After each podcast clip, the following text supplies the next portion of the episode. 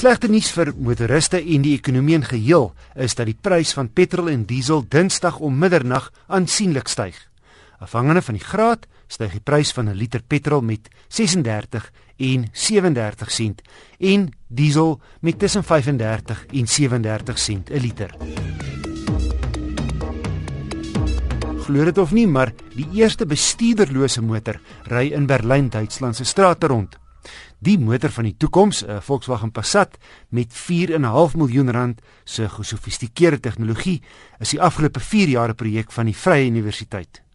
Met 'n rekenaar, elektronika, kameras, satellietnavigasie en laserskandeerders sien, praat en bestuur die voertuig van self. En die robotkar sny alle bestuursfoute uit. En as mense in ag neem dat die meeste botsings deur menslike foute veroorsaak word, sal dit baie doen om baie veiliger te maak. Die universiteit se wetenskaplikes moes 'n spesiale permit kry op die voorwaarde dat 'n bestuurder agter die wiel sit al raak hy aan niks. Bestuurderlose voertuie sal egter eers op die vroegste oor 'n dekade te koop wees en nuwe betekenis gee aan 'n outomatiese kar. Alle insittendes sal passasiers wees. Verbeel jou so 'n bestuurderlose minibus taxi wat geen oortredings begaan nie met geen kontroles voor die tradisionele bestuurder nie. Nou eintlik maar net 'n kondukteur wat die roete intik, 'n knoppie druk wanneer passasiers wil inklim en die klein geld uitwerk. Ek het 'n brief ontvang van Kobus Buitendag. Hy skryf hy het 'n 3 jaar oue Opel Astra 1.6. Hy wil weet of dit voordelig is in die tye van hoë petrolpryse om die voertuig met afdraandes uitrat te haal en in neutraal te gooi. Ek het ouer gewoonte by Jake Venter, deesdae 'n vryskut joernalis, gaan kers opsteek. Dis 'n baie interessante vraag want as jy met daai vraag gevra het 20 jaar gelede as ek gesê het, ja, dis 'n goeie ding om om dit neutraal te sit want dan spaar jy brandstof. Want die oomblik wat jy 'n kar met 'n vergaser in neutraal sit, dan beteken dit die vergaser moet net die enjin aan die gang hou terwyl hy hy leier. Terwyl as jy op 'n rad sit, forceer die agterwiel die enjin om te roteer en dan gaan die vergaser meer brandstof lewer. Maar deesdae met brandstofinspuiting werk dit net by andersom. Brandstofinspuiting, eh, die oomblik wat jy in 'n rad is by afdraande, dan sien die brandstofinspuiting dat die enjin word nou geroteer van self en hy voed dan geen brandstof nie.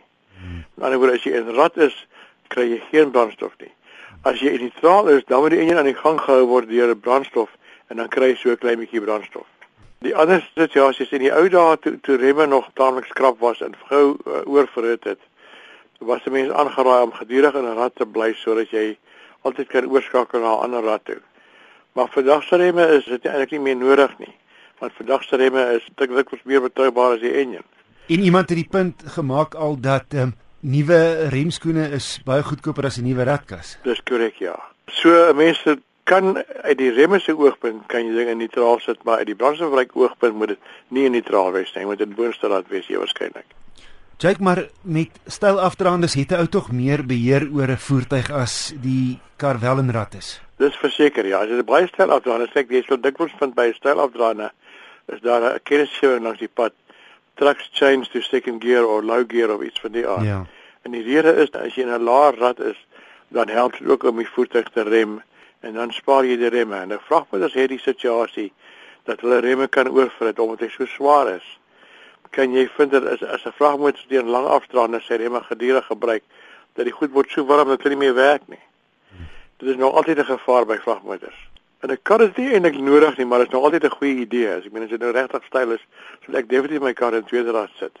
Nou 'n uh, off-road situasie het ek self eerste rad gebruik.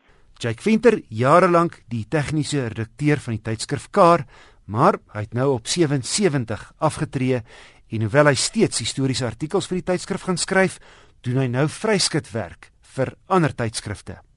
Onthou enigiemand is baie welkom om te skryf met kommentaar of 'n motornavraag van watter aard ook al. Ek of 'n kenner op die gebied sal probeer om antwoorde te verskaf. Die e-posadres is wissel@rsg.co.za. wissel@rsg.co.za. Hier's ook 'n faksmasjien wat gebruik kan word. Die nommer is 011 714 2391. 011 714 2391. Die grootste plaaslike motorskou ooit vind vanaf volgende Saterdag, die 8 Oktober tot en met Sondag, 16 Oktober plaas by Nasrek Johannesburg. Ek gaan donderdag en Vrydag die media daar by die Johannesburg Internasionale Motorskou bywoon en sal in volgende Saterdag se program breedvoerig oor die nuwe modelle en ander skouperde verslag doen. Ook in volgende week se program, hoe vaar Peugeot se nuwe 5008 teen die topverkoper onder die veeldoelers, die Toyota Verso.